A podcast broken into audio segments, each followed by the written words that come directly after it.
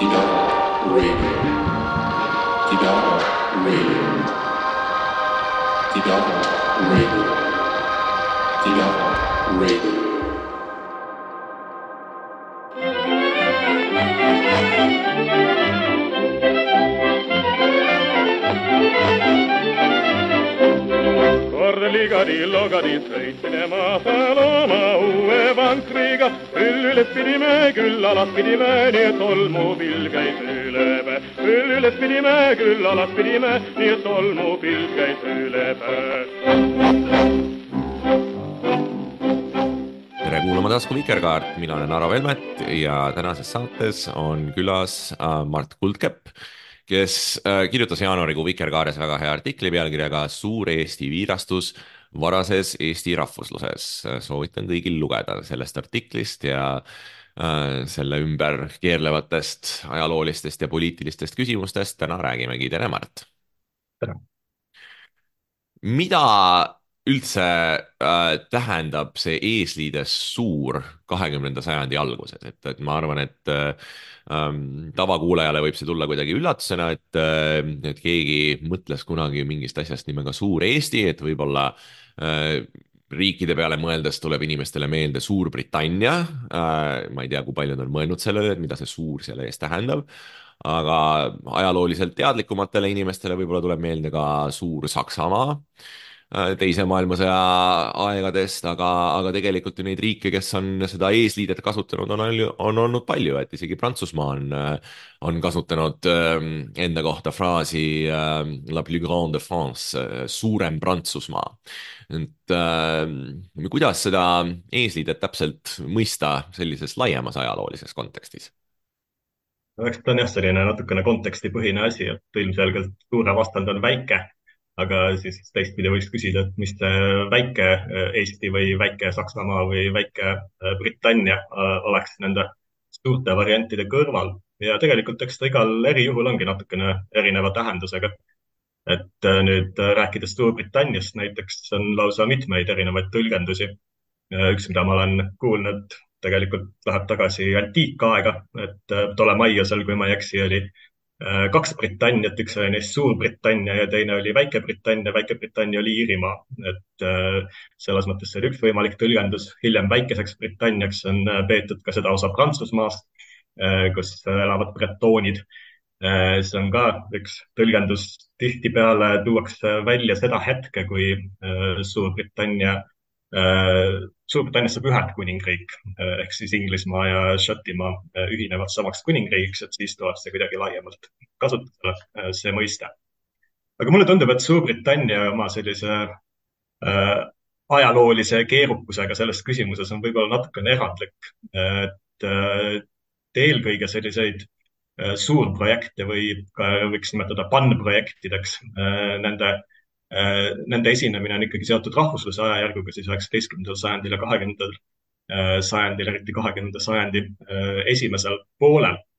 ja sellel ajal tulevad käibele igasugused erinevad pannliited ja suurliited, muuhulgas ka siis Suur-Saksamaa, Suur-Soome on ka üks, mis on võib-olla eestlastele rohkem tuntud ja siis teiste seas ka Suur-Eesti ja mis võib-olla neid kõiki iseloomustab, on siis mingi selline tahe mingis mõttes väiksusest üle olla ja siis pakkuda sellel, selle kõrval välja mingisugune selline tulevikuvisioon või võiks öelda ka utoopia mingist sellisest äh, ekspansiivsest äh, rahva või riigi äh, käsitlusest. nüüd, mida see igal konkreetsel juhtumil tähendab, see on muidugi jällegi äh, erinev äh, et kui me räägime Suur-Saksamaast, siis see, millise vormi, ütleme, Suur-Saksamaa tekitamise kampaania võttis, seda me nägime, või need, kes nägid teise maailmasõja ajal, kui siis Hitleri visiooni järgi Saksamaa oleks pidanud oma laienda, laiendama oma piire kõigile saksa keelt või saksa keelega suguluses olevaid keeli kõnelevate rahvaste asualadele, selle hulka oleks siis pidanud kuuluma näiteks Skandinaavia madalmaad, samuti ka sellised põlised saksa alad nagu Balti provintsid, Eestimaa, Liivimaa, Kuramaa ja nii edasi. Põhimõtteliselt siis Saksamaa oleks pidanud ulatuma kuni Uuraliteni välja ja siis igasugused alaväärtuslikumad rahvad, kes teel ette jäid, nendega oleks siis käidud läbi, käidud ümber erinevatel viisidel, aga osa neist oleks siis pühitatud justkui teisele poole neid uureleid, et see oleks siis olnud see Suur-Saksamaa piir mis Suur-Soomesse puutub, siis oli ka nagu selline visioon soome-ugri keeli rääkivaid äh, rahvaid äh, liita. ja Suur-Soomest oli ka erinevaid variante, et oli nii neid, kes äh, piirdusid nagu lähemate sugulaskeeltega ja neid, kes ka näiteks Eesti oleksid lugenud selle Suur-Soome visiooni alla, mitte ainult Venemaal elavaid soome-ugri keeli kõnelevaid väikerahvaid ja karjalasid. aga muidugi noh, suurust võib samuti mõtestada ka erinevatel viisidel, et üks viis äh, seda teha on tõesti selline territoriaalse ekspansiooni äh, viis, aga nagu nendest toodud näidetest ka võib-olla juba näha on, siis tegelikult see territoriaalne aspekt ei ole seal mitte ainukene. et äh, seal ei ole juttu ainult mingisugustest näiteks geostrateegilistest kaalutlustest, et äh, meie territoorium peab olema suurem, sest siis saame me paremini kaitsta või midagi taolist. või et saame enda käsutusse mingisugused suuremad loodusressursid vaid seal on ka näiteks etniline aspekt äh, väga tihti äh, esil, et äh, tuleb justkui kokku koguda mingisugused diasporaad, mingisugused suguluses olevad rahvakillud, mingisugused kaasmaalased ja tuua nad siis selle ühise suur Soome või suur Saksa või mis iganes nimetaja alla. Ja on olemas ka nagu see suuruse definitsioon, mis võib-olla ei olegi nii väga territoriaalne, vaid on kuidagi selline spirituaalne Jakob Hurt räägib vaimu suurusest. samasugune vaimu suuruse aade on olnud äh, iseloomulik ka mitmetele teistele väikerahvastele, kes on kuidagi rõhutatult enda väiksust tajunud ja siis püüdnud seda millegagi kompenseerida või mingil viisil seda ületada, muuhulgas siis selle läbi, et et äh, püütakse justkui kõrgema kvaliteedi äh, poole, et olgu meid pealegi vähe, aga oleme siis kvaliteetsem rahvas aga siis on ka see vahepealne variant ehk siis rahvaarvu tõstmine, et äh, mitte siis teiste endaga liitmine ega mitte kõrgema kvaliteeditaseme äh, saavutamine äh,, vaid lihtsalt see, et meid oleks rohkem, selline pronatalistlik äh, lähenemine suurusele. ja seal oma artiklikeses, mida sa mainisid, et seal ma olen äh, seda suurust nüüd tõlgendanudki sellise äh, natukene laiema problemaatikana, kuhu siis kõik kolm sellist äh, definitsiooni ära võiksid mahtuda Jakob Hurda näitel ma räägin seal vaimu suurusest, Jaan Tõnissoni näitel rahvaarvu suurusest ja Aleksander Keskküla näitel äh, Eesti territoriaalsest ekspansioonist. Äh, küll aga võiks öelda, et tegelikult äh, noh, midagi ühist oli nendel kõigil, et isegi kui Hurt paneb oma põhilise rõhu vaimu suuruse peale, siis tegelikult tema ka tunnistab, et tegelikult meid võiks ikkagi oluliselt rohkem olla, ega meil kitsas ei hakkaks. ja samamoodi kui Tõnisson paneb põhilise rõhuasetuse Äh, rahvaarvu tõstmise peale, siis ta mainib muuhulgas ka, et tegelikult see on ikkagi positiivne nähtus, et eestlasi asub elama ka nii-öelda Eestimaa ja Põhja-Liivimaa kubermangudest väljapoole, kuskile sinna ida poole ja lõuna poole ja et siis äh, äh, Eesti ekspansioon toimub ka nii-öelda territoriaalses mõõtmes.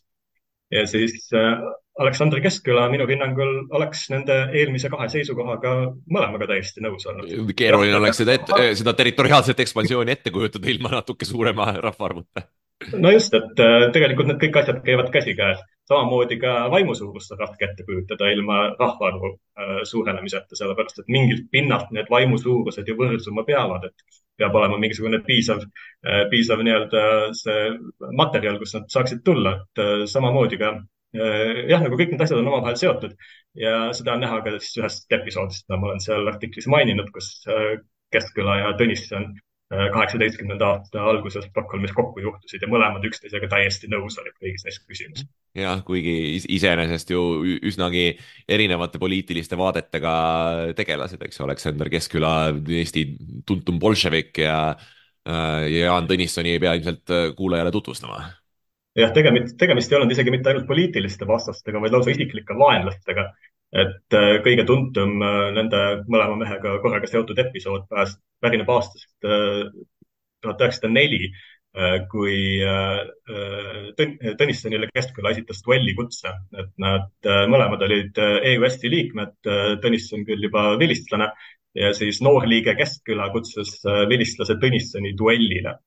ja nüüd küsimus on, et, et mille pärast, sest seda allikates käsitletakse eri moel Hella Vooliogi mälestustest, äh, kui ma õiesti, õigesti mäletan, siis äh, vist tuleb välja, et tegemist oli mingisuguse rivaalitsemisega Keskküla või tähendab siis jah, Voljogi õe, teise väga tuntud bolševiku Salme Muriku üle ja siis Keskküla õe mälestustest tuleb välja, et tegemist oli mingisuguste poliitiliste vastuoludega. aga üks tõenäoline järelm, mis sellel oligi, oligi nimelt Keskküla bolševikuks muutumine et äh, just sellel hetkel tundub, et tema vaated hakkasid pöörduma vasakule ja Tõnissonile kättemaksuks, kes tema tollikutset äh, vastu ei võtnud, äh, Keskküla asutas Postimehe trükikojas sotsialistliku ringi. pettus sellises džentelmenlikus käitumises ja pöördus töörahva poole vist küll jah, sellepärast et edasi ta just selles samas liinis sai, sai kuulsaks, samas kui korporant Keskkülast nagu rohkem pärast seda enam midagi kuulda ei olnud Ah, no sa mainisid, et äh, kõik need äh, sellised suuruse, suurustavad ambitsioonid, ähm, noh, mitte ainult siis Eestis Jaakob Hurda näol, vaid ka Euroopas laiemalt, äh, levisid suuresti üheksateistkümnenda sajandi lõpul, kahekümnenda sajandi alguses, et mis selle laine täpselt põhjustas või mis selle laine selline laiem kontekst oli? jah, see oli kindlasti ajastu, kui noh, ühest küljest äh, võis teha teatavaid järeldusi juba siis selle ajani äh, toimunud äh, arengu põhjal ja teisest küljest siis vaadata ette kuidagi tulevikku, et kuidas need asjad peaksid umbes edasi liikuma. ja ajavaim tollel ajal, siis üheksateistkümnenda sajandi lõpus, kahekümnenda sajandi alguses ja mida inimesed uskusid, oli peamiselt ikkagi see, et riigid muudkui muutuvad järjest suuremaks. et seal on nagu oma ilmselt sellised loogilised argumendid, miks see nii peaks olema teiste hulgas nii-öelda mastaabisääst ehk siis äh, suurem riik on tõenäoliselt efektiivsem riik, suudab oma äh, ressursse äh, paremini hallata. samuti seal on oma selline võimude tasakaalu argument, kui riigid on suured, siis nad kuidagi astuvad üksteise suhtes poliitilist tasakaalu, on väiksem tõenäosus, et kuskil mingisugune püssirohutünn õhku lendab, kui, kui siis mingisugune väikeriik näiteks satub kahe impeeriumi huvi objektiks. Nii et äh, tolleaegsed riigiteoreetikud on veendunud, et äh, tulevik on sellise kõrgimperialismi äh, päralt, kus tegijateks ei ole mitte lihtsalt need riigid, mis on võimelised end kuidagi kontinentaalses mõõtkavas kehtestama, vaid sellised, millel on ikkagi nagu globaalsed ambitsioonid, et on sellised maailmavõimud, kes tulevikus hakkavad asju korraldama ja need vä väiksemate osapoolte vahel siis ilmselt ka see äh, või noh, tegelikult ka suuremate osapoolte vahel ka see mure konkurentsi pärast, et äh, kui teised riigid muutuvad suuremaks, siis kui sina suuremaks ei muutu, siis sind süüakse ühel hetkel lihtsalt ära või sa avastad, et äh, et kogu maailm on ära koloniseeritud ja, ja sinuga ei kauple enam keegi. jah, et seal on ka see aspekt kindlasti. aga mis staatust ennustatakse väikeriikidele, on see, et tulevikus nad lihtsalt neelatakse alla ehk siis äh, varem või hiljem nad ikkagi kaovad ära. ja see on seisukoht, mis on omane nii saksakeelses kultuuriruumis kui ka nii-öelda briti või anglosaksi kultuuriruumis. seda ennustavad ka näiteks Rootsi riigiteoreetikud nagu Rudolf Schellen, kes äh, küll ise nagu esindab mingis mõttes sellist väikerahvalikku elutunnetust või selliseid väikerahvalikke huve, nii palju kui Rootsit võiks pidada pigem nagu selliseks väikese või keskmise suurusega riigiks. aga ka tema ennustab Rootsi iseseisvusele tulevikus kadu. lihtsalt äh, aeg äh,, aeg niimoodi seab need piirangud peale, mis üldse on poliitiliselt võimalik. ja siis ka need, kes muidu võiksid ennast nimetada tollel ajal sellisteks väikest rahvast eest, eestvõitlejateks või kes pooldavad rahvuslikku enesemääramise ideed ja nii edasi, nad ka pigem nagu on pettunud selles, mis üheksateistkümnenda sajandi jooksul on saavutatud rahvuslusega. et äh, küll on äh, tehtud mitmeid katsetusi, aga iseseisvuseni on jõudnud ikkagi väga vähesed. ja siis ka väikerahvastele ja väike, väikestele rahvuslikele liikumistele pigem soovitatakse, et noh, püüelge siis oma mingisuguse autonoomia poole aga siis rahulduge ka sellega, et ärge võtke endale liiga suuri ülesandeid ja proovige pigem niimoodi korraldada, et las siis see titulaarrahvus selles impeeriumis, siis noh, talle jäävad teatud privileegid, aga siis proovige teie ka saada siit oma need, oma need kasud kätte, et äh, vähemalt on kindel, et keegi teid vallutama ei tule, kui te olete võimsa impeeriumi äh, äh, väike rahvas. noh, see kehtib ka tollel ajal eestlaste kohta, kes samamoodi siis Vene impeeriumi äärealal ühest küljest võib-olla nagu liiga palju isegi ei mõtle selle peale, et nad võiksid kuidagi Venemaast lahku lüüa, et see mõte ilmselt noh, kuskil peas on olemas, aga see tundub väga ebatõenäoline, mitte mingi reaalne reaalpoliitiline alternatiiv. aga teisest küljest kindlasti mõtlevad ka selle peale, et kuidas nad võiksid sellest oma imperiaalsest seosest mingisugust kasu lõigata.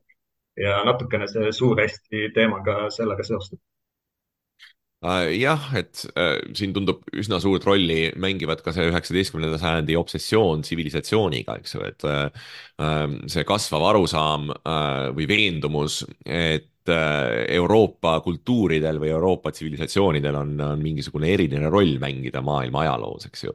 noh, mis paistab rohkem silma üle mere kolonialismi ajalugu vaadeldes, eks ju, et, et Prants-, Prantsusmaa peabki saama suureks, sellepärast et, et tal on eksportida midagi talle ainuomast, eks ju, Prantsuse revolutsiooni väärtused ja teadustehniline progress ja nii edasi. Äh, aga mis samas näiteks äh, minu meelest aitab päris hästi mõista ka seda Jakob Hurda ähm, utsitust, et, et eestlased jäädes eestlasteks peavad saama ka eurooplasteks, eks ju, et kuuluma nii-öelda kõrgemasse kultuurrahvusse ähm,. et see selline nagu äh, kultuuride hierarhia tundub selle, nendes äh, suurambitsioonides äh, ka oma rolli mängivat jah, see oli küll suits, mitte prutt. aga ja, et äh, selline Euroopa äh, ühendus on seal kindlasti olemas ja mis ma võib-olla ütleksin selle kolonialistliku äh, äh, nagu äh, sfääri kohta on see, et äh, see võib-olla ei jagune niimoodi äh, rangelt nüüd koloniseerijateks ja koloniseeritavateks äh, kõigi jaoks ühtemoodi. sellepärast, et äh, noh, võib-olla jah, kuskilt äh, kaugemalt niimoodi võis äh, eestlasi hinnata küll või siis ka Ida-Euroopat tervikuna, et need on ühed koloniseeritud rahvad, et nemad on nagu maailma arengus kuidagi maha jäänud. Või, või Hegel vist ütles, et nad kuidagi jõudsid selle maailma ajaloo areeni peale natukene liiga hilja, teistest hiljem ja siis neil on omane mingi mahajäämus, nad ei ole need, kelle, kellelt tuleksid mingisugused uued innovatiivsed ideed aga see ei tähenda, et äh, eestlastel enda meelest ei oleks olnud äh, nagu omakorda äh, mingisugust äh, õigust olla kultuuritoojateks veelgi rohkem mahajäänud rahvastele. ja see on nüüd äh, üks argument, millega tegelikult seda äh, eestlaste väljarännet äh, nendesse äh, lähikondsetesse asundustesse, nagu Tõnisson seda äh, nimetab, õigustatakse. et miks peaksid eestlased asuma elama kuskile Peterburi kubermangu tänapäeva Leningradi oblastisse. miks peaksid nad äh, asuma elama kuskile Peipsi taha ja nii edasi. selleks, et sinna kultuuri viia, selleks, et seda maad väärindada, tutvustada neile paremaid põllumajanduslikke meetodeid, viia sinna võib-olla ka protestantlik religioon, mis on võib-olla kõrgemalt äh, arenenud läänelikum äh, usk kui selline pime vene õigeusk või midagi taolist paljudest nendest asjadest muidugi nii otsesõnu ei räägita, et need üheksateistkümnenda sajandi ja kahekümnenda sajandi algude Äh, rahvuslased, kui nad kirjutavad, nad teevad seda tsensuuri tingimustes, nii et äh, paljugi seal kuidagi antakse mõista ainult vihjeliselt. Äh, aga mulle tundub, et need ideed olid kindlasti olemas ja täpselt samamoodi õigustavad kõik tolleaegsed kolonialistid nii-öelda oma koloniseerimispüüdeid, et ka eestlased ei ole sellest mingisugune erand. küll aga on näha, et mingisugust ambitsiooni olla ise ka võitjate hulgas, mitte ainult kaotajad jah äh,, Gustav Suits muidugi jah, oli see äh, tsitaadi autor, noor Eesti äh, kuulus tsitaat, äh, aitäh parandamast äh,. kuulame vahepeal muusikat ja siis äh, jätkame selle aruteluga.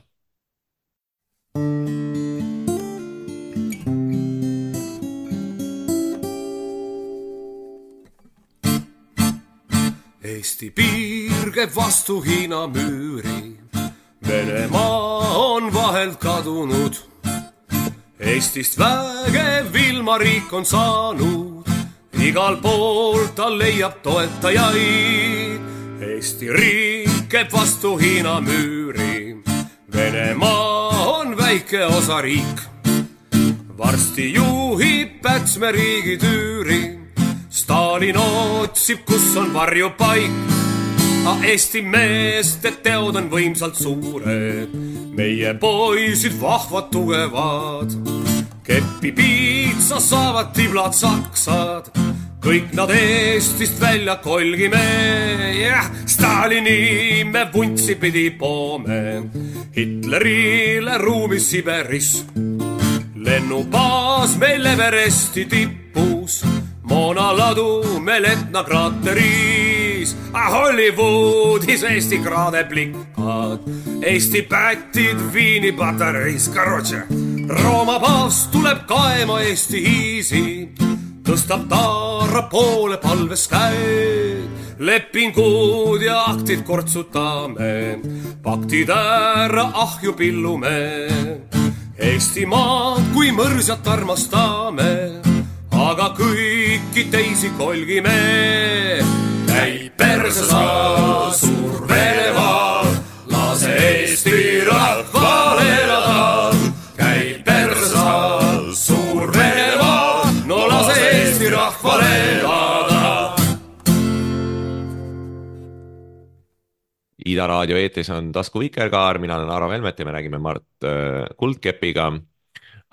Ja teemaks on äh, suur Eesti unistus kahekümnenda sajandi alguses äh,. sa juba puudutasid, Mart, natukene seda äh, eestlaste immigratsiooni ja nii-öelda asunduskolonialismi küsimust, et äh, kuigivõrd palju äh, eestlasi elas äh, siiski Eestimaa kubermangust äh, kaugemal äh, Petseri taga, Peipsi taga äh,, muidugi ka Siberis ja, ja, ja mujal Vene impeeriumis, et äh, räägi veel natuke sellest, et kuidas äh, see eestlaste diasporaa või, või äh, selline kaugem paiknemine seda Suur-Eesti unistust äh, kujundas? Jah, nagu ma mainisin, siis tegelikult juba Hurdal on seda teemat natukene seal äh, käsitletud selles äh, samas Helmest päritud kõnes, mida ma äh, artiklis ka, ka natuke tsiteerin, et eestlased peavad saama vaimult suureks, seda ütleb Hurt, aga teisest küljest ütleb ta, et eestlased võiks saada ka rahvaarvult suuremaks. ja kui on juba see mõte, et nad rahvaarvult suuremaks peaks saama, siis tuleb, tekib ka see kolonialismi küsimus. sellepärast, et noh, kuivõrd palju intensiivsemaks asustus Eestis ka ei oleks muutunud, siis ühel hetkel oleks ikkagi ilmselt mingisugune inimeste väljavool aset leidnud. selles suhtes jällegi Eesti ei ole üheksateistkümnenda sajandi lõpu ja kahekümnenda sajandi alguse kontekstis mingisugune erand, emigreeritakse palju, tihti üle mere, üle ookeani, Ameerika Ühendriikidesse, Kanadasse, Austraaliasse. teiste hulgas ka eestlased teevad seda mingil määral ja igal pool, kus on emigratsioon, seal on ka vastureaktsioon emigratsioonile täiesti olemas. et mind vahel see küsimus on rohkem huvitanud Rootsi puhul, sellepärast et just nimelt sellest nii-öelda emigratsiooni küsimusest saavad alguse Rootsi ja siis laiemalt ka Skandinaavia heaoluriigini viinud sellised mõttevoolud. kuidas, kuidas siis inimesi ikkagi paigal hoida? Sest noh, selge, miks inimesed emigreeruvad, neil on kuskil mujal parem Äh, aga siis kuidas muuta seda kodust olukorda niivõrd palju paremaks, et nad ei tunneks, et nad emigreeruma peavad. ja siis äh, selle, sellega seoses näiteks äh, Mürdaalide äh, populatsiooniraamat näiteks käsitleb seda üsna keskselt, jah. jah, et see on nüüd natukene hilisem, see on pigem selline kolmekümnendate käsitlus. Aga juba sajandi alguses korra juba nimetatud Rudolf Schellen, Rootsi geograaf, geopoliitik, sotsiaalteadlane, pakub välja mõiste natsionaalsotsialism Äh, sellise probleemiga toimetulekuks. ehk nagu mitte sellise muidugi natsi-Saksamaa mõistes, aga selles mõistes, et võiks olla sotsialism, aga ühe riigi sees nagu piiratud rahvuslik sotsialism, natsionaalsotsialism. ja võiks olla erinevad need noh, igasugused viisid, kuidas riik võiks inimesi aidata, nii et nad ei peaks emigreerima ja Eestis tegelikult äh, ka äh, kahekümnenda sajandi alguses on olemas nii emigratsioon kui ka vastureaktsioon emigratsioonile. mida ei ole, on selline nii-öelda riikliku tasandi vastureaktsioon, sellepärast et eestlastel oma riiki ei ole. Nad reageerivad nende vahendite piires, mis neil on olemas, mis on siis selline noh, nii-öelda kohalik tasand. ja üks väga oluline ajend, miks äh, Jaan Tõnisson oma Suur-Eesti mõttega välja tuleb, äh, on just nimelt see, et on hakanud ilmuma äh, sellel samal tuhande üheksasaja kümnendal aastal uus ajakirjandusväljaanne Asunik, mille toimetaja on Jakob Lukats, mis on kosmopoliitset maailmavaadet esindav ajakiri, kosmopoliitset ehk siis antirahvuslikku ja mis ärgitab eestlasi välja rändama igale poole, kuhu nad siis tahavad minna ja selline väljaränne Jaan Tõnissoni, äh, teiste rahvusliberaalide ja Postimehe ringkonna meelest on niisugune äh, rahvuskehandit õõnestav asi. et sa võtad need inimesed sealt kehandist välja, saadad nad kuskile minema ja lähevad rahvuse jaoks kaduma. Äh, nad kindlasti seal oma uues asukohas assimileeritakse kohaliku rahva hulka, mingisugust Eesti kultuuri neist enam oodata ei ole, kui neil sünnivad lapsed, nad kindlasti ei ole enam eestlased. ja mis juhtub Eestis, kui Eestist rändavad inimesed välja, avatakse uks immigratsiooniks. Ehk siis Eestisse hakkavad sisse voolama inimesed Venemaalt, Saksamaalt. Äh, tegelikult see noh, nii, nii väga vale, vale ei olnud, sellepärast et Eestisse tõesti oli immigratsiooni teel saabunud Eestis inimesi nii Venemaalt kui Saksamaalt selleks ajaks. Ja kui emigratsioonil on sellised tagajärjed, siis loomulikult tuleb sellest hoiduda, aga siis äh, see, mida Tõnisson minu meelest seal oma selles äh, pikas manifestilaadses äh, Suur-Eesti teemalises tekstis välja pakub, mis ilmus tuhande üheksasaja kümnendal aastal Postimehes, on mingisugune kompromissvariant, et Eestis tuleb luua justkui paremad tingimused inimeste jäämiseks ja Eesti rahvaarv ei pea mitte kahanema emigratsiooni tõttu, vaid vastupidi, peab kasvama, peab sündima rohkem lapsi. ja, ja kõik see, äh, samas aga on olemas seal mingisugune emigratsiooni pooldav äh, seisukoht ka ja see, tema seisukoht on see minu meelest, et lubatav on nii-öelda äh, piirilähedane emigratsioon ehk siis eestlaste asuala võib siin niimoodi orgaaniliselt läheneda Äh, Läti suunas ja Venemaa suunas ja sellest ei ole üldsegi mitte midagi halba, kui eestlased sinna äh, elama asuvad. ja kui kaugele see oleks tema meelest täpselt läinud, on raske öelda, sest nagu ma enne mainisin, siis tsensuuri tingimustest kõigest kirjutada ei saanud. Küll aga on siis olemas mõned kaudsed vihjed, mõned, mõned teda siis tollel ajal tundnud inimese mälestused, äh, kes hiljem tunnistasid, et Tõnissonil umbes sellel ajal oli olnud mingisugune plaan Eesti asuala väljavenitamiseks ilmjärveni äh, Skandinaavia äh, taoliste mõtlejate puhul on üsna hästi teada nende seotus ka eugeenikaga või, või see, kuidas need, needsamad mured immigratsiooni pärast andsid äh, alust ka küsimustele, et kuidas lisaks äh, kohaliku elanikkonna kvantiteedile võiks tõsta siis ka erinevate meetodite kaudu ka nende kvaliteeti. Ähm, ja tegelikult ju ka Tõnissonil on omad äh, sümpaatiad tõutervishoiuga täiesti olemas, et kas sa räägiksid natukene sellest osast ka, et kuidas see seostub selliste ähm, vaimult või rahvaarvult või kvaliteedilt suureks kasvamise ambitsioonidega? jah, et selles mõttes on seda õige küll välja tuua, et tegelikult see on üks osa jälle samast paketist. et samal ajal, kui saadakse äh, vaimult suureks ja rahvaarvult suureks, siis loomulikult on oluline ka see, et äh, tõug oleks terve ja ei äh, oleks mingit sellist degeneratsiooni, mida siis tollel ajal ka üsna laialdaselt, mitte ainult Eestis, aga igal pool mujal sellistele arenenud äh, lääne inimestele ette ennustati või siis seda äh, kardeti. Tõnissoni jaoks äh, eriti lähedalt oli see seotud karskusküsimusega, et see nii-öelda alkoholi tekitatav kahju või viinaviga oli tema jaoks ikkagi kõige suurem selline geneetiline oht Eesti rahvale ja tal oli omane ka selline lamarkistlik seisukoht, et need nii-öelda halvad äh, või vigased omadused, mis siis elu jooksul endale külge saadakse, need tõenäoliselt ikkagi pärandatakse järeltulijatele edasi. et äh, ei teadnud muidugi geenidest äh, kui, kui sellistest äh, midagi.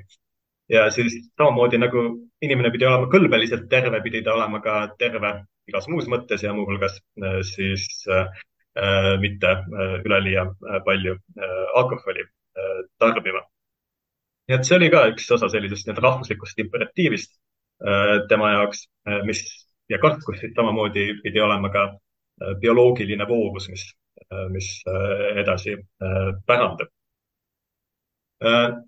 nüüd see rahvas, mis pidi olema arvukas ja mis pidi võib-olla Eestist ka natukene välja rändama, kindlasti pidi olema terve rahvas, sest ka sellepärast, et muidu tal ei oleks olnud sellist õigust tunda ennast paremana äh, sellest äh, kohalikust äh, elanikkonnast. jah, ma just mõtlesingi, et kui palju, palju, palju see mängib rolli nendes, nendes võrdlustes Peipsi-taguste vähem kultuursete slaavi rahvastega ma usun, et, ma usun, et see seos on täiesti otsene, kuigi jällegi ta seda nii selgesõnaliselt äh, välja äh, ei too. küll aga toob seda välja Aleksandr Keskküla, äh, kes räägib siis oma Suur-Eesti teemalistest kirjutistest tuhande üheksasaja seitsmeteistkümnendast aastast.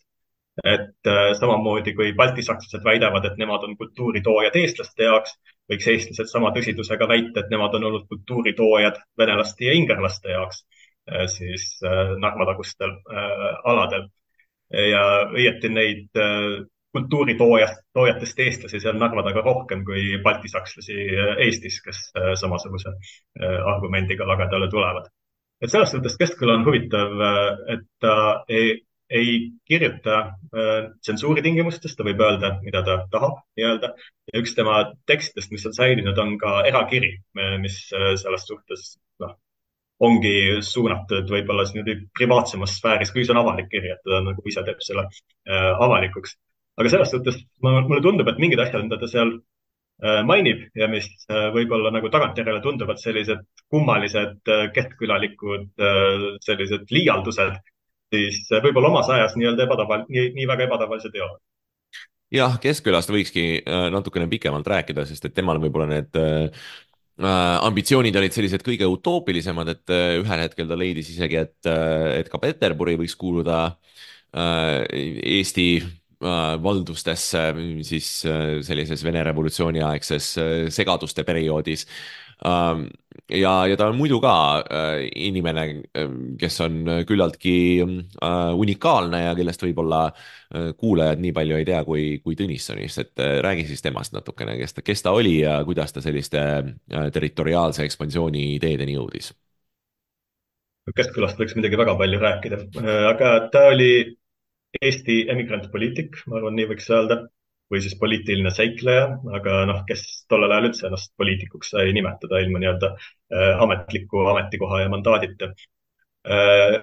Eestis sai ta tuntuks pärast seda duellikutset Tõnissonile, mida ma juba mainisin, eelkõige tuhande üheksasaja viienda aasta revolutsiooni ajal, kui ta oli vist teadaolevalt ainukene Eesti revolutsionääridest intelligentidest rääkimata siis, no ma praegu ei räägi siis töölistest, aga just intelligentidest, kes nimetas ennast enamlaseks. Äh, kõik teised olid kas siis vähemlased tsentralistid või siis vähemlased föderalistid, aga tema oli see, kes ütles, et ta on enamlane. tuhande üheksasaja kuuendal aastal ta ilmselt kohtus ka Leniniga äh, põgusalt Terjagis Soomes. aga siis jah, et ühel hetkel oli ta sunnitud lahkuma Eestist, mõnda aega ta oli Moskvas, ta siirdus Saksamaale, sealt edasi Šveitsi ja siis äh, Šveitsis oli ta tegev erinevates töölisringkondades, käis äh, ülikoolis ja nii edasi. aga siis aastal tuhat üheksasada neliteist, äh, kui maailmasõda oli puhkenud, võttis ta ühendust Saksa saatkonnaga Bernis. Ja põhimõtteliselt käis neile välja idee, kuidas Eesti rahvas ja tema isiklikult võiksid Saksamaale kasulikud olla, aidata siis Saksamaal esimest maailmasõda võita ja siis vastupidi, saada teatavat kasu ka äh, ise äh, vastutasuks selle eest. ja see, mida Keskküla oli valmis Saksamaale pakkuma, äh, olid esiteks tema sidemed vene enamlastega ja muuhulgas ka Leniniga, keda ta esimese, esimese inimesena soovitas Saksa sõjaväevõimudele kui ainukest revolutsioonilist liidrit, kes oleks päriselt Venemaal võimeline revolutsiooni toime panema Lenin tollel ajal oli vähetuntud selline sektantlik, äh, natukene kummaline, radikaalne kuju, kes samuti pesitses äh, emigratsioonis ja keegi nagu Saksamaal tollel ajal väga selgelt ei teadnud, et ühest küljest nad jah, tahtsid korraldada mingisugust segadust Vene tagalas, et äh, panna seal toime mingisuguseid rahutusi, võib-olla ka mingeid mässerevolutsioone, tuhande üheksasaja viienda aasta näide oli kõigil veel meeles aga Venemaal tollel ajal igasuguseid sotsialistlikke parteisid ja ka mittesotsialistlikke revolutsioonilisi parteisid äh, oli mitmesuguseid ja keegi täpselt ei teadnud, millistele jõududele toetuda.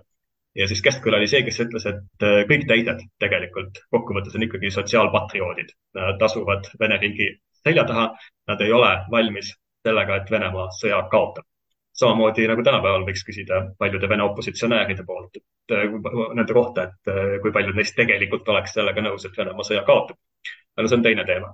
Äh, ja siis Lenin oli ainuke, kes Keskküla meelest päriselt tahtis, et Venemaa sõjas lüüa saaks. aga mis ta siis vastutasuks tahtis Saksamaa käest? ja siis teine asi oli jah, et ta pakkus välja ka piiri, piirirahvaste koostöö ehk siis mingisuguse ühise mässulise väljaastumise eestlaste, leedukate, soomlaste, ukrainlaste ja kõikide teiste äh, selliste äh, Vene impeeriumi piiriala, aladel elavate rahvaste poolt. saamide poolt ka muuhulgas näiteks, aga mitte lätlaste poolt, sellepärast et lätlased õigusrahvaks ei pidanud. omaette lätlastest lahus. aga siis jah, mis ta vastu tahtis Saksamaalt, oli see, et Saksamaa aitaks tal sõtta tõmmata Rootsi. Siis Rootsi-Saksa ühisrünnak Baltikumile ja Soomele vabastaks need nimetatud alad Vene võimu alt. Ja selle tingimusena Äh, loodaks uus põhjamaine suurvõim, kus juhtiv roll kuuluks äh, Rootsile, aga mille koosseisu kuulub ka Soome, ka Eesti ja siis äh, noh, ka tõenäoliselt teised Skandinaavia maad, sellepärast et Rootsit peeti nii-öelda võtmeriigiks, et kui tema juba, juba seal on, siis kindlasti ka ühinevad teised. ja Eestil oleksid sellest suurriigist saanud osaks mingisugused autonoomsed õigused. ja siis see, mida ma artiklis kirjutan selle teemaga seoses on see, et äh, kui suur see nii-öelda autonoomne Eesti äh, selles uues põhjamaises riigis Keskküla arvates oleks pidanud olema ja sealt äh, tuleb nagu üsna selgelt välja nendest tema tolleaegsetest kirjutistest, et see autonoomne Eesti ei oleks piirdunud ainult Eestimaa ja Põhja-Liivimaaga, vaid sinna oleks ka kuulnud, kuulunud Ingerimaa. Ja Ingerimaa kas koos Peterburi linnaga või äh, eraldi Äh, Keskkülale väga meeldis äh, oma vestlustes venelastega neid äh, kuidagi ehmatada, rääkides sellest, et Peterburi on põline Eesti ala ja enim, mida eestlased oleks seal nõus tulevikus venelastele andma, on mingisugused piiratud kultuurautonoomsed õigused. aga et kindlasti on tegemist soome-ugrilastelt röövitud territooriumiga, mis tuleb tagasi võtta. Ja, ja siis äh, muuhulgas äh, ka tuhande üheksasaja neljateistkümnendal aastal sügisel, kui ta teist korda kohtub Leniniga, siis äh, samasuguse jutuga läks ta Lenini juurde. Ja kui Lenin küsis, et äh, mis täpselt on Ingerimaa, kas äh, Ingerimaa on põhja pool Peterburi või lääne pool Peterburi, Keskküla vastas, et kes, Keskküla vastas, et Ingerimaa ongi Peterburi ja siis selle peale Lenin olevat õhku ahminud ja toast välja jooksnud ja neid kirjeldusi on mitu erinevat, et mida ta siis täpselt tegi. aga Keskküla omaenda mälestuses ütleb, et ta heitis pommi, mis nagu äh, puudutas äh, Leninit tema alateadvuse põhjani või midagi äh, selle taolist, et Keskküla uskus, et tal õnnestus ka isegi Leninis paljastada Vene imperialist et isegi Lenin ei ole sellega nõus, et Venemaalt Peterburi ära võetakse mm. -hmm. ja siis äh, erinevatest teistest kontekstis muidugi tuleb välja, et noh, see oli võib-olla maksimaalprogramm. et äh, Keskküla oli selles suhtes poliitiliselt paindlik, et tal oli mingisugune miinimumprogramm, mingisugune maksimumprogramm ja siis vastavalt sellele. reaalsus oleks olnud kuskil vahepeal. jah, ja siis äh, on ka neid näiteid selle kohta, et ta on ikkagi nõus Peterburist loobuma ja piirduma ainult mingisuguste muude Narva-taguste aladega äh, ja nii edasi. Tõnisson näiteks Peterburi ei pidanud eestlastele kuuluvaks. see tuleb üsna selgelt välja tema tuhande üheksasaja kümnenda aasta tekstist. ja Keskküla need noh, vaated ja seisukohad selles mõttes nagu ajas muutusid, aga kindlasti ta püüdis saavutada nii palju kui võimalik. no Keskküla selline äh, emigrantpoliitik, kahtlemata värvikas kuju äh,.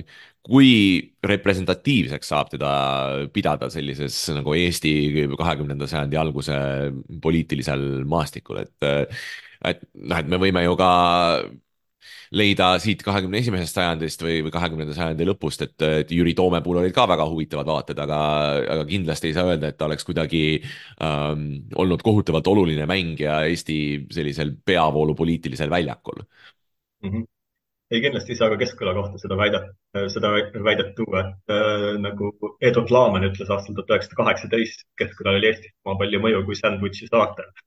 Ehk siis tõepoolest äh, eriti nagu pärast Äh, Eestist lahkumist oli täiesti võõrandunud igasugusest Eesti poliitikast. ta ei saanud sellest aru, teda tuleb, see tuleb ka üsna tihti välja äh, tema erinevatest seisukohtadest. Äh, ta mingisuguseid asju hindas valesti ja kummaliselt.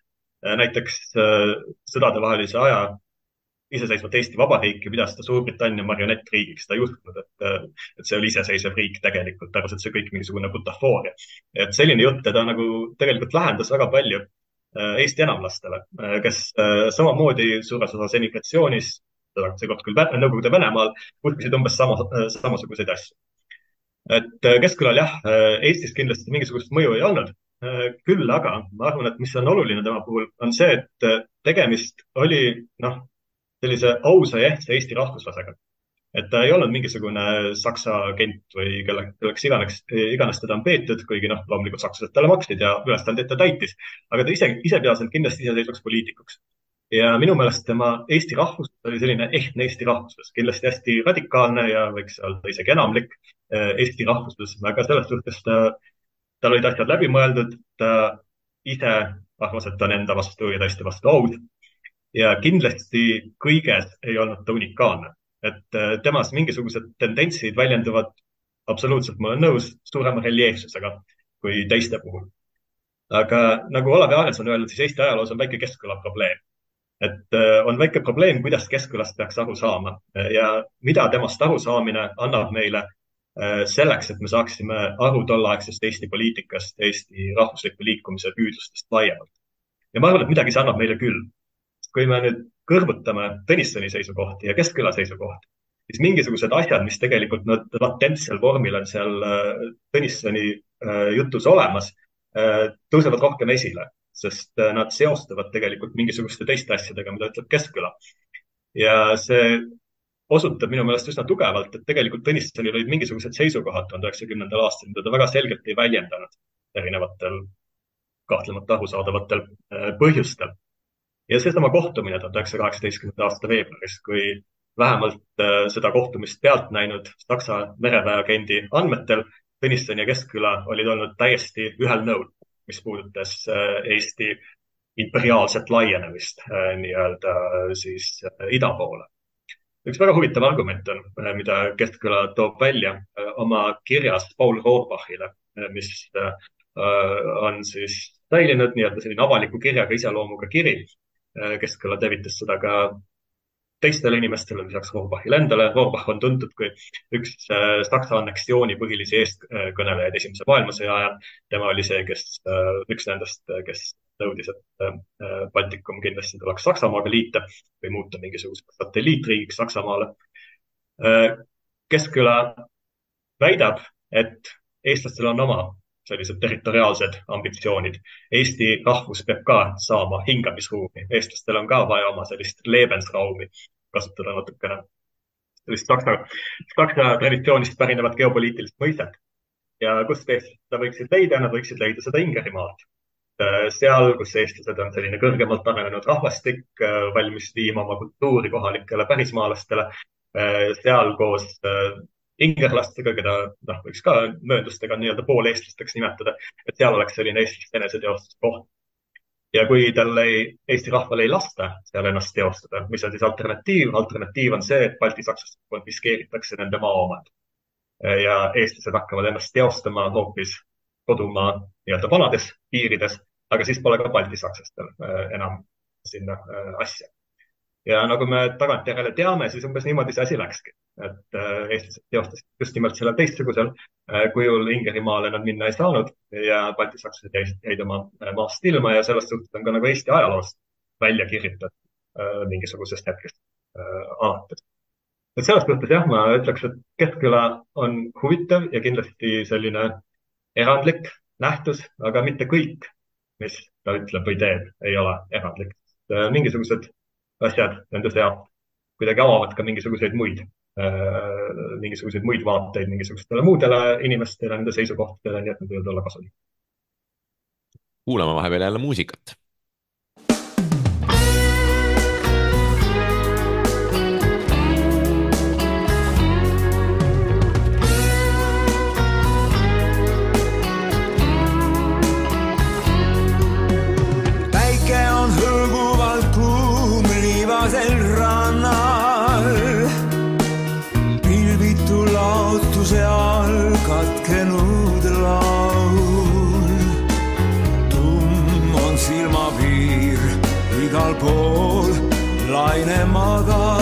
selle taga seisab elu oh,. Oh. päike on hõõguvalt kuum mitmendat päeva. paadid on kaldal kõik reas ootamas tuult. kaob kasutult aeg üle liiva siit nüüd ära, tahaks minna, aga kuhu meid tee, kõikjal on päike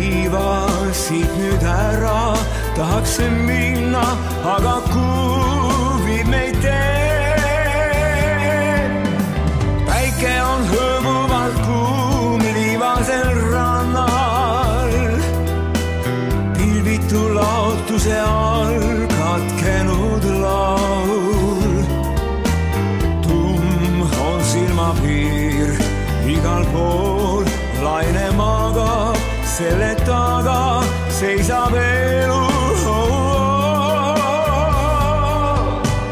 päike on hõõguvalt kuum mitmendat päeva. paadid on kaldal kõik reas ootamas tuld. kaob kasutult aeg üle liiva siit nüüd ära. tahaks minna, aga kuhu viib meid tee?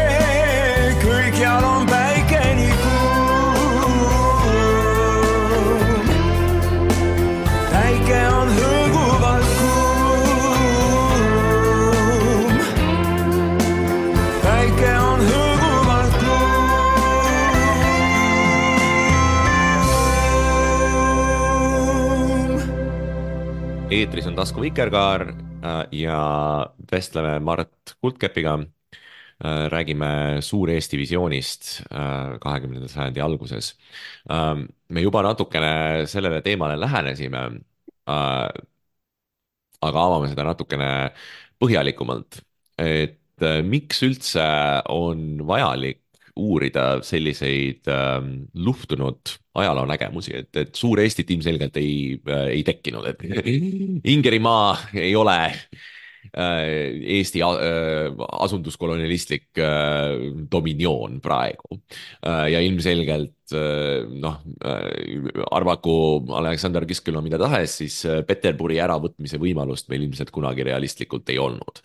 Ähm, aga sellest hoolimata äh, sa rõhutad, et, et selliste tegelaste äh, ja selliste luhtunud äh, tulevikuvisioonide uurimine on siiski oluline, mida see meile äh, laiemalt annab, kui me äh, teame näiteks mitte ainult Tõnissoni õnnestumistest Eesti veteranpoliitikuna, vaid ka tema ebaõnnestunud ideedest enne Eesti iseseisvumist näiteks. jah, et eriti minu meelest uurida nii-öelda rahvuslikku ajalugu või Eesti rahvusliku liikumise ajalugu tuleb ajaloolastel kogu aeg äh, arvestada, et äh, sellel on omane selline väga tugev teleoloogiline tendents. sellepärast, et äh, nii-öelda rahvuslikus diskursuses ajalugu ühtlasi toimib eneselegitimatsiooni vahendina. ehk siis meie kui head rahvuslased, meil on omamoodi moraalne kohustus rääkida teatavat lugu teataval viisil, mis laseb asjadel paista, et kõik sündis nii, nagu see pidigi sündima. ehk siis kunagi tehtud valikud loogiliselt viivad mingisugustele järelmiteni, mis siis äh, toovad meid välja äh, tänapäeva ja see areng, mis on tegelikult toimunud, see ongi üks legitiimne areng, sest nii see pidi äh, olema ja sellega meie mingisugused huvid, mis eestlastel kui rahvust, rahvusel olid, said oma ainuõige väljundi selles, et tekkis iseseisev Eesti riik, mis küll okupeeriti mõneks ajaks, aga siis jälle äh, taastati. Need äh, minu meelest hästi paljud sellised äh, nii-öelda üldrahvalikuks muutunud diskussioonid Eesti rahvusliku ajaloo üle nagu see, et kas muistne vabadusvõitlus ikkagi oli olemas ja kas seda peaks nimetama muistseks vabadusvõitluseks, ei tulenegi niivõrd väga sellest, et mingit ajalookäsitlust kui sellist, nii-öelda puhtalt ajalookäsitlust oleks kahtluse alla seatud, vaid sellest, et inimesed nagu natukene kardavad millestki äh, ilma jääda või kardavad, et kui nii-öelda üks asi kahtluse alla seatakse, siis kindlasti ka sellest samast teleoloogilisest printsiibist tulenevalt automaatselt läheb kahtluse alla ka mingi teine asi, siis jälle kolmas ja kuni me, kuni me siis jõuame välja olukorda, kus nagu eestlastel ajalugu ei olegi äh, kõik äh, nii-öelda meie rahvuslik ajalookäsitlus lahustub ära äh, mingisugusest sellisest üldeuroopalikust või globaalsest merest. ja isegi ajaloolaste seas need jõud on ikkagi suhteliselt tugevad ja juhivad ka nende käsitlust mingisugust teatud poliitkorrektsest poolusängi kui nad just ei taha nii-öelda kogemata rahvuse reeturiteks osutuda või saada mingit sellist soovimatut avalikkuse tähelepanu. aga noh, tegelikult, kui me tahame ikkagi ajaloost paremini aru saada, siis uurimine peaks olema võimalikult eelarvamuste vaba. ja selles mõttes kriitiline suhtumine oma ajalukku Äh, minu meelest äh, eeldab seda, et me tegeleksime ka teemadega, mis äh, võib-olla ei vasta sellele nii-öelda rahvuse teleoloogilise loo printsiibile, kus üks asi viib teiseni ja siis jälle kolmandani ja kõik nagu kokkuvõttes ongi legitiimne ja selline, nagu ta pidi algusest peale olema mingisuguse, ma ei tea, mis ettemääratuse kaudu. tegelikult ikkagi see, et Eesti omariiklus sündis tuhande üheksasaja kaheksateistkümnendal aastal, oli vägagi olulisel määral selline mitmesuguste juhuste rida, äh, milles küll sattumuslik jah, millest ei saa küll öelda, et eestlased oleksid olnud mingid sellised ilma oma agentsuseta ajaloo mängukannid. Äh, vastupidi, neil oli väga oluline roll, et nad tegid teatud hetkel mingisuguseid teatud valikuid, aga see, et need teatud hetked just nimelt äh, niimoodi kätte jõudsid ja sellel ajal kätte jõudsid ja nii edasi, seal väga palju neil ikkagi endal midagi valida ei olnud. parim, mida, mida nad said teha, oli võib-olla mentaalselt kuidagi valmistuda selleks, et hetkel mingid võimalused võivad avaneda aga see, et Eestist saaks iseseisev riik, ei olnud reaalpoliitiline võimalus tegelikult äh, kuni peaaegu viimase hetkeni. selles, et äh, iseseisvus tuleks välja kuulutada, lepitakse kokku kaheksateistkümnenda aasta veebruaris. Äh, nii et praktiliselt lepitakse kokku ja siis tehakse kohe ära, sest tegemiseks ongi ka viimane hetk, sest Saksa väed on kohe ründamas. ja kõik see, mida enne seda arvatakse eestlaste tulevikuperspektiivide kohta, ei ole tegelikult otseselt seotud omariikluse ideega. on küll mingid inimesed, kes näevad mingit varianti, et Eesti võiks Venemaast lahku lüüa. Äh, näiteks Aleksander Keskküla on kindlasti selline inimene, kes äh, tahaks Venemaa küljest lahkuda, aga ta ei näe alternatiivina Eesti rahvuslikku iseseisvust, vaid Eesti autonoomiat mingisuguse suurema põhjamaise impeeriumi koosseisus. baltisakslased samamoodi, osa neist pooldab Venemaast lahkulöömist, aga nad ei näe ütleme isegi Balti hertsogiriigis mingit sellist tegelikult iseseisvat äh, riiklikku äh, moodustist, vaid parimal juhul mingisugust äh, pooliseseisvat Saksa satelliitriiki, mis võib-olla ühel hetkel ikkagi peaks kokkuvõttes ka Saksamaaga ühinema. see, et see mõte välja käiakse, see on nii-öelda mööndus sellele rahvusliku enesemääramise mõttele, mis ütleb, et justkui noh, uusi territooriume annekteerida ei tohiks niimoodi ilma pikemata. ja nüüd uurides neid teisi alternatiivseid võimalusi, äh, mis äh, ei teo tingimata ainult omariiklusega, kuigi nad tagantjärele nüüd võttes ikkagi omariikluseni välja viisid. Äh, aga nende väljakäijad tollel ajal seda ei teadnud. uurides neid võimalusi, ma arvan, et me saame omaaegsest kontekstist tegelikult palju paremini aru, et igasugused need teostamata tulevikustsenaariumid, osad neist võib-olla tagantjärele utoopilised, võib-olla ka juba omas ajas utoopilised kes tegelikult uskus, et eestlased Peterburi linna ära võtavad. Äh, võib-olla Keskküla uskus seda, võib-olla ta kasutas seda lihtsalt sellise provo provokatsioonina, et äh, kas siis äh, Lenini või siis kellegi teise alateadvuse põhjani jõuda ja siis sellega mingisugune, mingisugune eesmärk saavutada. aga me tegelikult ei tea seda kõike ilma seda uurimata nii et mulle tegelikult väga meeldivad sellised nii-öelda piiripealsed või natuke ka kohati sellised rahvusülesed ja võib-olla veidi arusaamatud kujud, kes küll ei ole päris ainukene, neid on mõningaid teisi ka, kelle tegevusest võib-olla ilmnevad mingisugused sellised tendentsid omas ajas, millel teostada küll võimalust ei olnud, aga mis ei tähenda, et nende äh, pooldajad tolles ajas ei oleks seda tõsiselt võtnud. ja kui nemad võtsid seda tõsiselt, siis ilmselt sellel mingisugune kõlapind oli. samamoodi Jüri Toomepuu võib-olla ei ole kõige, ütleme, edukam poliitik olnud Eesti lähiajaloos aga samas ta ei ole unikaalne selles suhtes, et ainult tema üksipäini oleks esindanud mingisuguseid teatud äh, seisukohti. Ja nii võib öelda ka mitmete teiste poliitiliste jõudude kohta tänapäeva Eestis.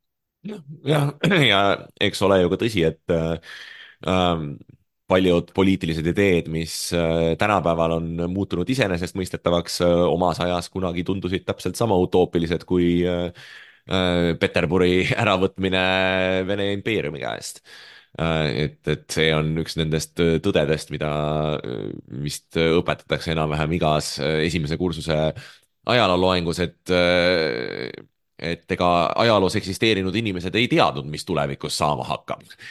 tõsikindlusega niimoodi, nagu meie seda tagantjärele teame ja et seda peab ikkagi vastutustundlikus uurimuses silma, silmas pidama jah, ja mingid asjad, mis tegelikult juhtusid, olid niivõrd ebatõenäolised, et nad omas ajas oleksid olnud täiesti absurdsed. nagu see mõte, et nii Saksamaa kui ka Venemaa mõlemad kaotavad Esimese maailmasõja. Nad olid ometi eri pooltel, kuidas on võimalik, et mõlemad kaotavad. aga ometi see niimoodi läks ja tollel ajal äh, mõned noh, tolleaegsed poliitikud on meenutanud, et mingisugune lootus nagu südames oli, et äkki on võimalik sellise stsenaariumi teostamine, et Eesti küll lahkub Vene võimu alt, samas aga Saksa võimu alla ei satu. aga seda peaaegu ei juletudki loota, et seda küll mainiti, et see võiks olla selline ilus tulevikuunistus. ja siis äh, ajal, kui sellest räägiti, tuhat üheksasada kuusteist, oli jäänud võib-olla paar aastat selleni, kui see unistus tegelikult teostub. just, just uh teine teema, mis sellest Suur-Eesti uh, uurimisest kenasti välja tuleb uh, ja millega sa ka oled põhjalikumalt uh, tegelenud, on, on selliste visioonide rahvusülesus ja see, kuidas noh, Suur-Eesti nägemused olid seotud muuhulgas ka Suur-Soome nägemustega, kuidas inimesed kujutasid ette, et Eesti võiks kuuluda mingitesse suurematesse konstellatsioonidesse ja, ja üldse selline ideede äh, risttolmelemine äh, meie regioonis, et, et, et räägi võib-olla natukene sellest, et, et mida tähendab üldse äh, uurida rahvusküsimust nii-öelda rahvusüle, üleselt või mitte äh,, mitte juurdudes sellisesse metodoloogilisse natsionalismi, kus äh,, kus selle mõtte uurimine piirdubki enam-vähem Eesti territoriaalsete piiridega. Äh, jah, ei, see on väga põnev, ma ütleksin äh, eelkõige. Vaadates seda natukene laiemas kontekstis ja võib-olla vaadata seda natukene, mitte niivõrd lähtudes äh, sellistest äh, noh, niigi juba aktsepteeritud äh, käibetõdedest umbes, et eestlased olidki väike rahvas, kellel oli võib-olla selline ajalooline nagu ohvrikompleks, võib-olla selline kompleks, mida tuli ületada, kas siis vaimusuguse ideaali kaudu või siis millegi muu kaudu või siis tegelikult kas Eesti põhjamaisuse idee on selline noh, tegelikult osa Eesti rahvuslude peavoolust et äh, pigem mingisugune teine regionaalne määratlus oleks äh, nagu eestlaste seisukohalt, äh, seisukohalt eksootilisem, kui seda oleks Eesti põhjamaisuse mõte. aga jah, neid erinevaid nii-öelda peavoolust irduvaid nähtusi vaadates on väga kerge jõuda selle rahvusülese dimensiooni juurde.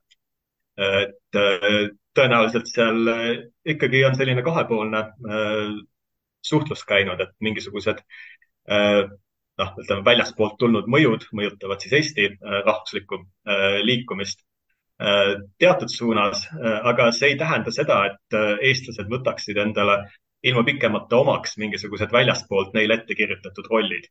et umbes, et kui välismaalased ütlevad, et eestlased on üks ajaloota rahvus, et siis eestlased oleksid kohe sellega nõus ja tunnistaksid, et jah, oleme küll ajaloota ja tõenäoliselt ka ilma tulevikuta ja rohkem sellest ei olegi midagi rääkida võivad küll olla mõned, kes seda teevad, aga alati on ka mingi selline noh, nii-öelda keskuse perifeeria äh, vastandusele iseloomulik äh, vastupanu äh, sinna sisse kodeeritud. eestlased, kes ei ole nõus võtma endale väikerahva rolli, eestlased, kes ei ole nõus võtma Eestile väikese riigi või siis väikese provintsi rolli ja kes tahavad mõtelda kuidagi suuremalt ja kuidagi teiselaadselt ja siis see võib tõesti väljastpoolt tulnuna nii-öelda šokeerivalt mõjuda, et mis asja, et te tahate Peterburi ära võtta või, või nimetate seda äh, põliseks äh, Eesti äh, alaks. aga need noh, suunitlused, nagu ma ka seal artiklis ütlen, tegelikult ei ole omased mitte ainult eestlastele, vaid kõikidele, peaaegu kõikidele teistele rahvuslikele liikumistele üle Euroopa et seesama Suur-Saksamaa näide on väga tuntud näide ja tõenäoliselt kellelegi ei peaks põhjendama, miks Suur-Saksamaa kui nähtus on oluline asi, mida uurida, kuigi ta tegelikult ei teostunud ju kokkuvõttes. aga prooviti küll äh, teostada, isegi väga kaugele jõuti selle äh, teostamiskatsega, kuigi see siis kokkuvõttes äh, ei õnnestunud. samamoodi Suur-Soome üsna selline tugev äh, aade oli see Suur-Soome aade ikkagi, et äh, eriti siis Soome iseseisvumise paiku ja sõdadevahelisel ajal see mõte, et tegelikult Soome, nii-öelda päris Soome riigi iseseisvumine on alles esimene samm ja tuleb hakata üles ehitama mingisugust Soome-Ugri impeeriumi sinna ümber, kus soomlastele kuuluks jälle titulaarrahvuse roll, aga siis igasugused väiksemad Soome-Ugri rahvad oleks ka impeeriumi liikmed. see on nagu täiesti võrreldav mõte Äh, Saksa impeeriumi loomise protsessiga või siis Itaalia riigi loomise protsessiga, kus samamoodi koguti kokku nii-öelda väikseid äh, rahvaid, kes igaüks rääkis võib-olla natukene erinevat dialekti, aga kokkuvõttes ikkagi võis öelda, et tegemist on noh, teatud, äh, teatud ambitsioonikalt võttes ikkagi sama rahvusega. Jah, nii et ka äh, Eesti rahvusluse uurimisel on veel äh, palju huvitavaid küsimusi, mida kaardistada aitäh, Mart Kuldkepp väga huvitava vestluse eest. kuulasite Tasku Vikerkaart, järgmine kuu oleme jälle Ida raadio eetris, Spotify's, erinevates taskuhäälingu äppides. räägime juba järgmistest teemadest ja seniks lugege Vikerkaarti, tellige teda ka. nägemist